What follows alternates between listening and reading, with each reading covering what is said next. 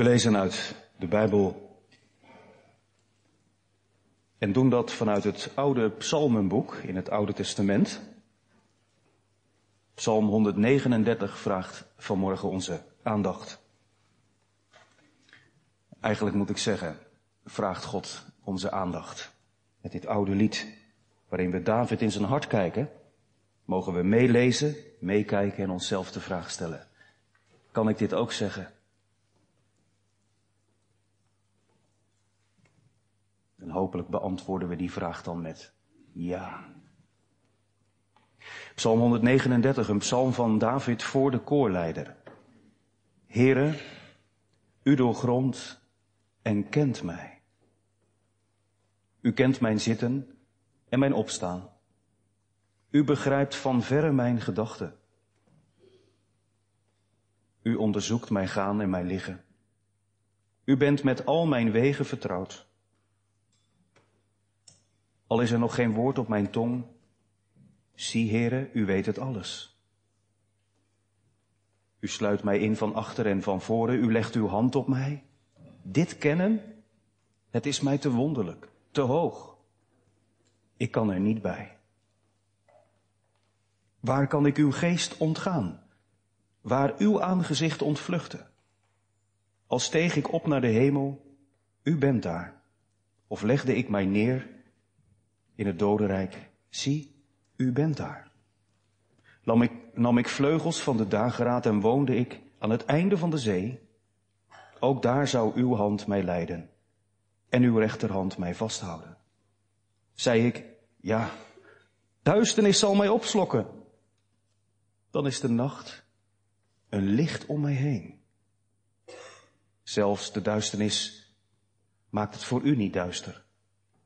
Maar de nacht ligt op als de dag en de duisternis is als het licht.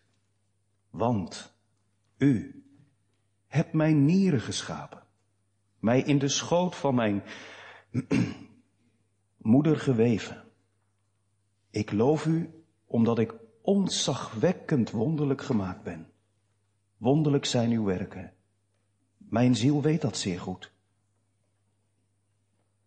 Mijn beenderen waren voor u niet verborgen toen ik in het verborgene gemaakt ben.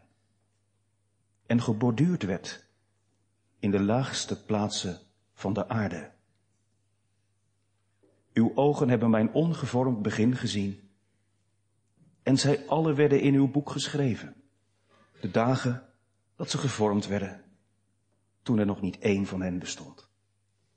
Daarom, hoe kostbaar zijn mij uw gedachten, o God. Hoe machtig groot is hun aantal? Zou ik ze tellen? Zij zijn talrijker dan korrelzand. Ontwaak ik, dan ben ik nog bij u. O God, breng de goddelozen om. Mannen van bloed, ga weg van mij. Want met listige plannen spreken zij over u en zetten uw vijanden aan tot valsheid. Zou ik niet haten, heren, wie u haten? Walgen van wie tegen u opstaan? Ik haat hen met een volkomen haat, mijn eigen vijanden zijn het. Doorgrond mij, o God, en ken mijn hart. Beproef mij en ken mijn gedachten. Zie er of er bij mij een schadelijke weg is en leid mij op de eeuwige weg. Tot zover de lezing uit het woord van God.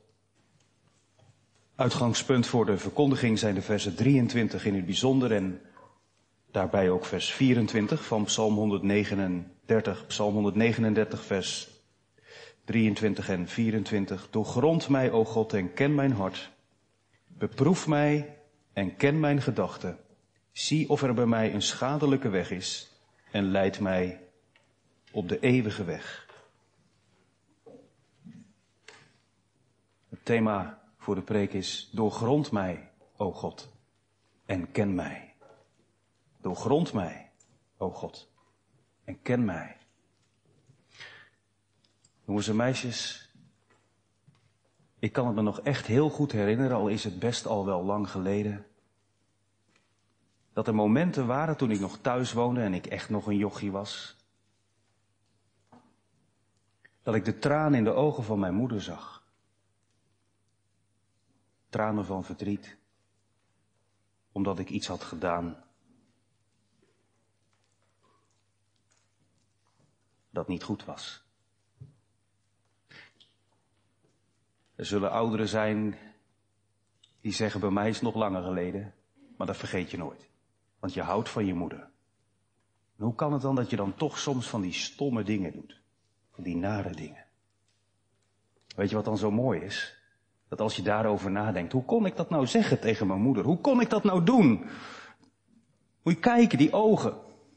Hoe verdrietig ze ervan is. Ze is niet volmaakt, maar ze is zo lief. Waarom doe ik dan zulke nare dingen? Als je daarover nadenkt. En dat deed ik. Toen dacht ik ook terug aan die momenten dat ik bij mama kwam en nog eens naar die ogen keek. Die tranen waren opgedroogd. En dan zei ik, mama, kijk eens, dit is voor u. Dan had ik een tekening gemaakt. Of een kleurplaat ingekleurd. Of ik had uit mezelf een klusje gedaan. Dan kom je bij mama en dan zeg je, mama, kijk eens, vindt u het mooi? En juist op die momenten, hè, als je dan het gezicht van mama ziet gaan stralen, dat je weet, ze houdt echt van me. Ze zegt niet, nee hoor, betekent niks voor jou hoor, dat cadeautje wat je me nu geeft, want je hebt zo lelijk gedaan. Dan is ze blij dat het weer goed is. En dan mag jij zeggen, mama, kijk eens. Ziet u hoe ik van u houd? Hou dat voorbeeld vast. Ik kom er aan het eind nog even op terug. Dus dan weet je ook dat de preek dan bijna klaar is. Doorgrond en ken mij, o God. Daar gaat het vanmorgen om. We zullen zien dat David net als ik naar de Heere God gaat en zegt. Terwijl hij weet dat hij zoveel verkeerde dingen gedaan heeft. Kijk eens, heren. Kijkt u nou eens. Dit is allemaal voor u. Dit wil ik aan u geven. Dit ben ik. Zo ben ik. Dat weet u toch? Dat geloof ik. Ja, geliefde gemeente, toch is het best wel een beetje vreemd. Dat je David aan het einde van deze psalm hoort zeggen, doorgrond mij, o God, en ken mijn hart. Allereerst omdat hij in vers 1 heeft gezegd, Heere, u doorgrondt mij en u kent mij. Dat wist hij van meet af. En hij heeft er allemaal redenen voor, hè. Daar staat heel die psalm vol en bol mee. Dat hij zeker weet dat God hem doorgrondt en kent, want hij weet alles en hij is er altijd bij. Waarom vraagt David dan aan het einde, wilt u dat ook echt doen? Dan stelt hij het niet meer, maar dan is het meer een vraag. Wilt u mij alstublieft wel doorgronden en mij kennen? Waarom doet hij dat? Nou, laten we één misvatting voor zijn. Dat we denken dat dit een soort angstige kreet is aan het einde. Alsof David er niet zeker van is dat hij in wanhoop is, een noodkreet. Ken mij toch, o God. Met andere woorden zouden wij vandaag zeggen, investeer toch alstublieft in mij. Let toch op mij. Wees toch met me bezig. Ziet u mij staan, Heere God? Dat. Zo is het niet. Zo is het soms wel bij mensen onderling. Ik dacht ter voorbereiding op donderdag, laat ik eens kijken hoe die nieuwe Westerkerk eruit ziet. En toen kwam ik een preek tegen van mijn broeder, dominee Mulder, die het voorbeeld aanhaalde, het voorbeeld aanhaalde van iemand die zei, ik zei tegen die man, wees jezelf. Maar hij kon niet. Hij was niemand. Misschien is er wel iemand in de kerk die zegt, ja dat ben ik. Wie ben ik eigenlijk? Ik had niet zo'n moeder of ik had niet zo'n vader die mij de liefde gaf. Ik ben stuk gemaakt door mensen. Ik weet echt niet wie ik zelf ben. En, en ik voel me soms als, als een klein mannetje dat zwaait naar boven. Als er dan iets is, is er nog iemand in dit heelal die om mij geeft. Die mij serieus neemt, die tijd voor mij neemt. Nou, dan ontmoet je hier een God. Die zegt, ja hoor, zoals ik dat bij David doe, zo doe ik dat ook bij u, bij jou. Je hoeft je niet eerst anders voor te doen. Je hoeft niet eerst lid te worden van deze kerk of zo. Vanmorgen hebben wij een ontmoeting, zegt hij. De levende God. Tussen jou en mij. Heel persoonlijk. Zo laat hij zich kennen. Als een God die jou serieus neemt. En juist als je daarvan schrikt, hè. Oh, wordt het zo persoonlijk? Of juist als je daarvan schrok toen je dit las. Is hij echt overal bij geweest? Jongens, je bent blij dat je ouders het niet weten. Je bent blij dat je vrouw het niet weet. Mannen. Heeft God dan echt alles gezien? Ja, wacht even. David, hè? De man naar Gods hart, maar tegelijkertijd met zo'n grote mond. Grof in de mond zelfs soms. O God, breng de goddeloze om. Gewoon een mens van vlees en bloed. Die wist dat ook. Maar die heeft niet gezegd in een angstkreet, O God, dat u nou alles gezien hebt en dat u overal bij was. Ik loop maar weg, want dat, dat, ja, dat komt nooit meer goed tussen u en mij. Hij is hier niet bang voor God. Als hij zegt, u sluit mij in van achter en van voren, dan is dat niet iemand die bang is voor God, die in de klem zit, maar die, die voelt de bevrijding. Waarom? Hij kan toch op zijn onschuld pleiten. Hij kan toch zeggen, heren, doet u het maar. Kijkt u maar bij mij naar binnen. Dat is de reden waarom hij zegt, doorgrond mij, o God, en ken mijn hart. Hij weet wel dat God het doet, maar hij heeft het zelf nodig. Waarom? Hij wil het resultaat horen. Nou kom ik toch al terug op het voorbeeld aan het begin van de preek, jongens en meisjes, maar dat is nog niet het einde van de preek, maar ik kan het nu ook even gebruiken. Als David zegt, doorgrond mij en ken mijn hart, dan wil hij graag het resultaat horen dat de Heere zegt, net zoals mama, heb je dat voor mij gemaakt? Wat mooi. En juist als je dan weet van die tranen die er eerst in de ogen van mama waren, dat je zegt, het is goed. Ze accepteert het. Ze kijkt ernaar. Ze kijkt naar wat ik voor haar gedaan heb. En ze kijkt met ogen van liefde. En niet met de ogen van een kunstenaar of een, iemand die verstand heeft van tekenen of kleuren. Ze kijkt met de ogen van een moeder. Zo kijkt de Heere, de vader van David, ook naar hem. Dat heeft David geleerd. Ik ben iemand. Ik ben hier niet alleen op de aarde.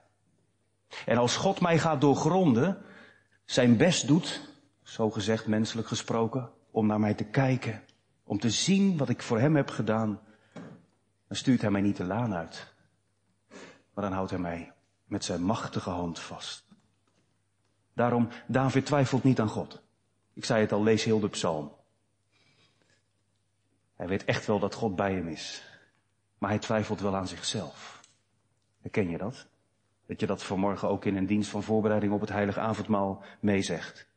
Beproef mij en ken mijn gedachten, heren. Alsjeblieft. Dat je als een kind van de Vader door het geloof naar zijn ogen kijkt. En dat vriendelijke aangezicht zo nodig hebt, want je weet wel, het was niet allemaal oké. Het was niet zonder zonde. Ook de afgelopen drie maanden niet.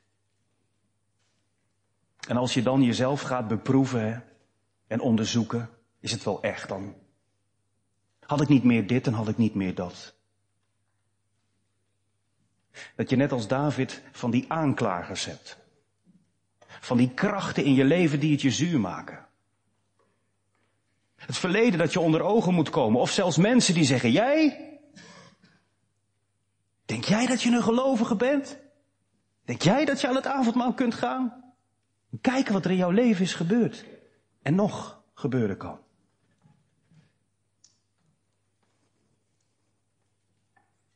Dat is niet zo gek als je dat meemaakt, want de Bijbel is er vol van. Die strijd die dat dan oplevert. Dat je iets van dat leven van David herkent. Grof in de mond. Snel op temperatuur bij een mooie vrouw van een ander als man. Beetje ruim met de waarheid omgaan. Neem David nou.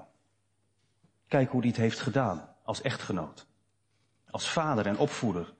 Hij had kennelijk nog heel veel boeken van ons vandaag over opvoeding en coaching niet gelezen. Complexe praktijk van een mens. Het is David zo vaak niet gelukt. En mij ook niet. Laat ik dat maar eerlijk zeggen, gemeente. Dat is wel net zo ver, toch? Als ik de hele dienst het woord mag hebben. Om dan als eerste ook kleur te bekennen. Met mijn vrouw en kinderen erbij. God altijd op één gestaan de afgelopen maanden? Nee. Ik had veel meer dit, ja. En veel minder dat, ja. Waarom durf ik dan toch hier te staan? Omdat ik de God van Jacob ken. Omdat ik mijn fouten niet hoef te verdoezelen of mooier voor te doen dan ik ben. Maar dat ik rust op de kracht van Gods genade. Dat ik met David mee kan zeggen, waarom ben ik geboren? Herken je dat? Die diepe verwondering. Hoe kostbaar zijn mij uw gedachten? Nog voordat ik bestond, kende u mijn naam. Nog voordat ik wist dat u bestond. Toen was u al met mij bezig. In mijn moederschoot. In zonde ontvangen en geboren. Ja. Ja, echt wel. Dat is gebleken. En niet alleen uit de tranen van mijn moeder. Dat ik in zonde ontvangen en geboren ben. Maar ook uit andere dingen. En toch. De God van David zegt, ik weet al jouw dingen. En als ik jou doorgrond en jou toets, dan zie ik zoveel dingen die niet kloppen. Maar als je oprecht naar mij toe komt en zegt, vergeef het, heren, dan vergeef ik het. Dat is de liefde van de Vader, die een menigte van zonde zal bedekken. Is dat niet een beetje goedkoop? Nee. Zo'n God dienen wij. Daarom kan iemand met zulke streken een man naar Gods hart worden genoemd en deze taal zingen. En er zullen best mensen zijn, misschien wel hier in de kerk. Of er zullen mensen zijn dat als je deze dingen doorvertelt aan anderen zeggen, ja, dat is nou altijd zo. Dat God de hand boven het hoofd houdt van mensen die niet deugen. In de kerk worden dingen goed gepraat. Nee, in de kerk worden dingen vergeven. En God houdt de hand niet boven het hoofd van mensen. Hij wijst ze aan en zegt, jij daar. Jij bent het. Jij bent die man. Jij bent die vrouw. Jij bent die jongen. Jij bent dat meisje. Die niet deugt. En dat je dan niet langer zegt, nee, dat is wel zo. Maar dat je buigt, je hoofd buigt. En zegt, vader, ik heb tegen u gezondigd. Dat weet ik. En ik weet dat u dat weet. Maar het verwondert mij dat u mij toch blijft opzoeken en mij vasthoudt. En mij wil doorgronden en zal doorgronden. Hier hebt u mijn leven, heren, zoals Petrus later zal zeggen, hè. U weet alle dingen. U weet dat ik van u hou. Zoals een kind zegt, bent u nou trots op mij, papa? Mag een kind van de Heere zeggen, als u mij doorgrondt en kent, zie dan uw eigen werk, het geloof wat ik heb Dat is toch van u. Het ging honderd keer mis. Maar nou doe ik het goed. Kijk eens. Ja, daarom zegt David ook, zie of bij mij een schadelijke weg is en leid mij op de eeuwige weg. Als u mij doorgrondt, heren, en mijn hart onderzoekt, dan weet ik dat u mij bij de hand neemt en mij van een schadelijke, je mag zelfs vertalen, een, een weg van smart, weghaalt en mij leidt op een weg die nooit meer ophoudt.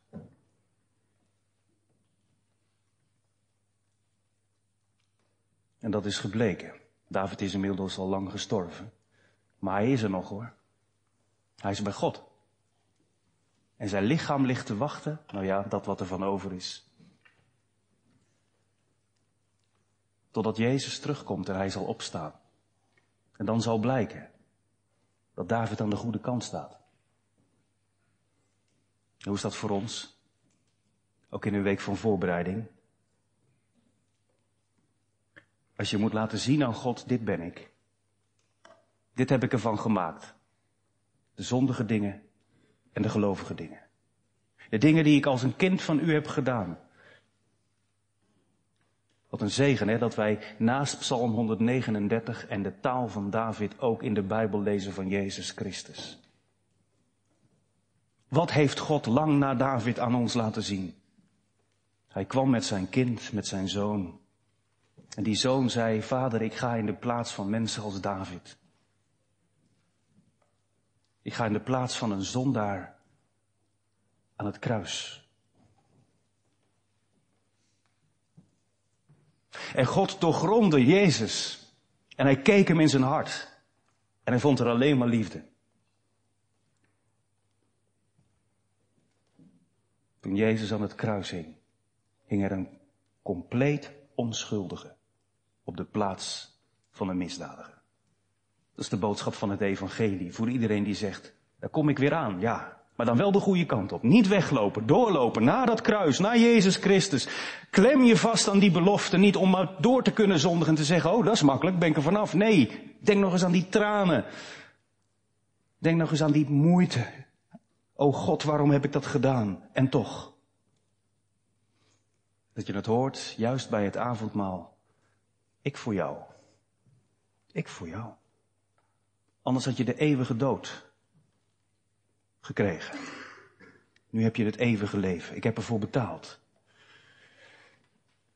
Jezus zegt niet tegen ons vanmorgen, zoals in dat rijmpje, in dat lekendicht waar ik het over had. Wees jezelf.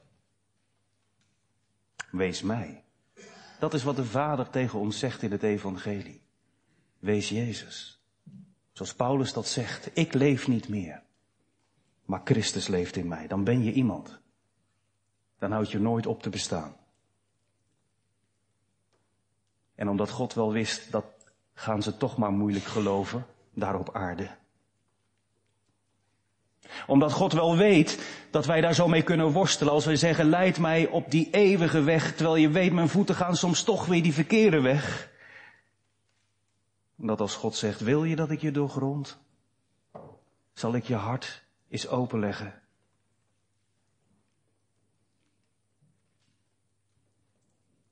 Bij het geloof in je hart geef ik jou een simpel stukje brood en neem je een heel klein slokje wijn. En zo zeker als die twee dingen door je zintuigen worden waargenomen, in je mond wordt geproefd, zo zeker ben jij er op dat moment van. Wat? Dat je van mij bent. Gekocht. En juist als je op dat moment tranen in je hart hebt, hè, omdat je ook weet dat de zonde die je deed, Jezus aan het kruis joeg, mag je omhoog kijken en zeggen, Vader, ik weet dat u volkomen overeengekomen bent met uw zoon, met Jezus. Dat die prijs niet te hoog was voor mij. Dat u dat met liefde hebt gedaan. En als je dat proeft, dan weet je, ik hoef hier niet te zitten met het gevoel van, het was net geen zes, de afgelopen maanden. Of met het gevoel van, Heere God, kijk eens, heb ik een acht verdiend. Maar dat de Heer in die twee eenvoudige dingen laat zien, een tien. Want jij bent niet meer jezelf. Ik zie in u, in jou, Christus, mijn zoon. Ja, zegt iemand, dat is wel heel mooi. Maar ik vind het ook mooi moeilijk. Is het niet te makkelijk? Weer een ander zegt, ik loop zo vaak vast met als God dan overal bij is. Als hij dan alle dingen weet.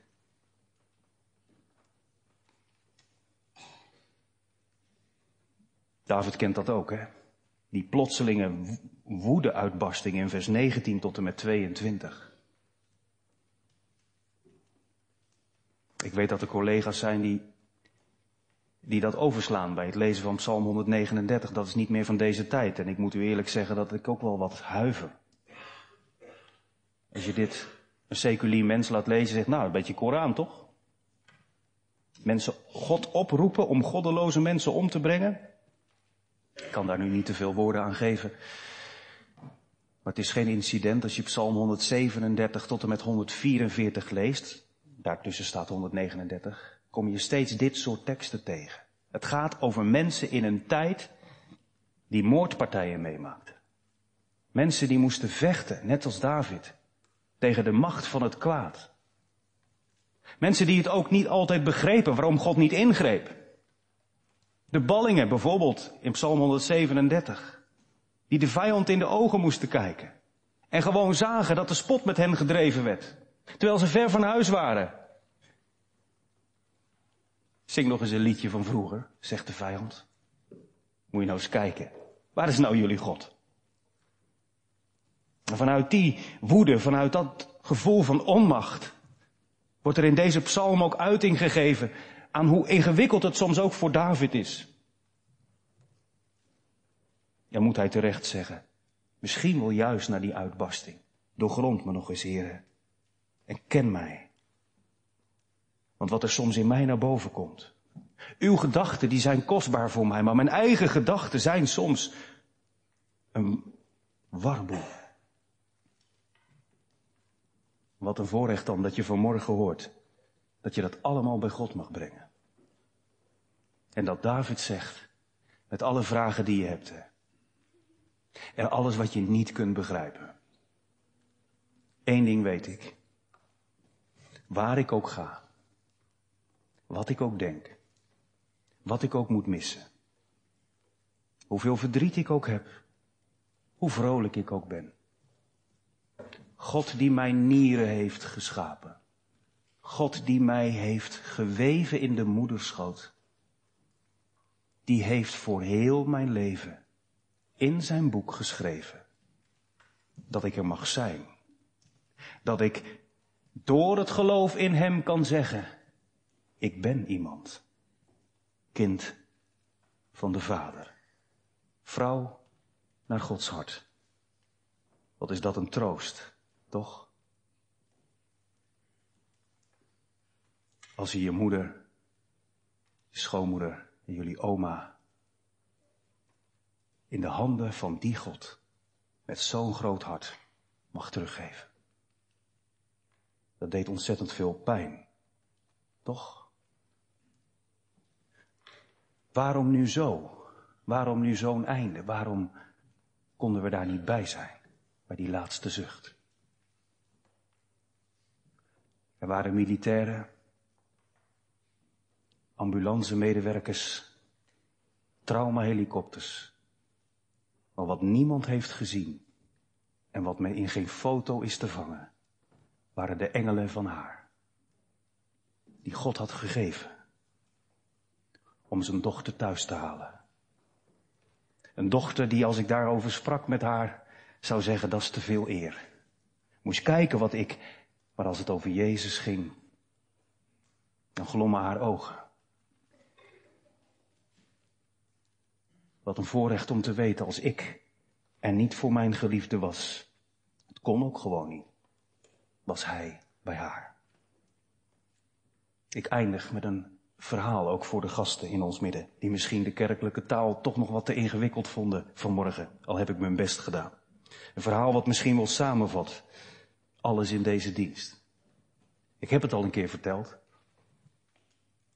maar dat is ongeveer twee jaar geleden. Dus. Er was een man die onderweg was naar huis. En hij had nog niet zo lang geleden, in die tijd, heel lang geleden dus, een nieuwe T-Ford gekocht. Een van de eerste auto's die aan de lopende band werd gemaakt. Maar die T-Ford hield ermee op en hij stond langs de weg. Zo gezegd op de vluchtstrook. En hij had geen verstand van die wagen. Dus hij zette de motorkap omhoog en wachtte op hulp. Nou, er kwam een man aan met paard en wagen. Ja, die had er ook geen verstand van. Hij zou bij het dorp verderop wel eens gaan kijken of er hulp geregeld kon worden. En het duurde maar en het duurde maar. Er kwamen verschillende mensen voorbij, maar niemand kon hem helpen. Totdat hij in de vette een auto aan zag komen die zeker niet van de lopende band kwam. Handgemaakt. Fraaie limousine. En hij dacht, ja, ik kan mijn hand wel opsteken, maar die nette lui die in zulke auto's rijden, wat moeten die nou met mij en mijn theefortje? Maar hij stak toch zijn hand op en die auto stopte. En toen kwam er een meneer aan met een hoge hoed en fluwelen handschoenen. En die man dacht, nou ja, wel aardig dat hij uitstapt, maar dat wordt natuurlijk niks. En hij zei, ja meneer, u ziet het, ik sta met pech langs de weg. Ja, dat weet ik. Dat zie ik. En ik ken die auto, zegt die man. En hij doet zijn handschoenen uit en hij stelt zich voor. I'm Henry Ford. I build this car. Het was de eigenaar van het ontwerp, de bedenker van het product. hij maakte zijn deftige handen, vuil aan die auto. En hij zorgde ervoor dat die man weer naar huis kon. Soms sta je in je leven met de motorkap van je hart omhoog. Pech. Hoe moet ik verder? Soms sta je in een week van voorbereiding met lege handen. Heer, ik ben weer vastgelopen. Hoe kom ik bij uw tafel? Dan heb je vanmorgen gehoord dat God zegt, wie maakte jou? Dat weet je toch. Wie kan om Jezus wil al jouw zonden vergeven en doet dat ook? Dat weet je toch. Hier ben ik. Om Jezus wil. Hoor zijn stem. Gehoorzaam zijn boodschap. En je zult eeuwig leven. Amen.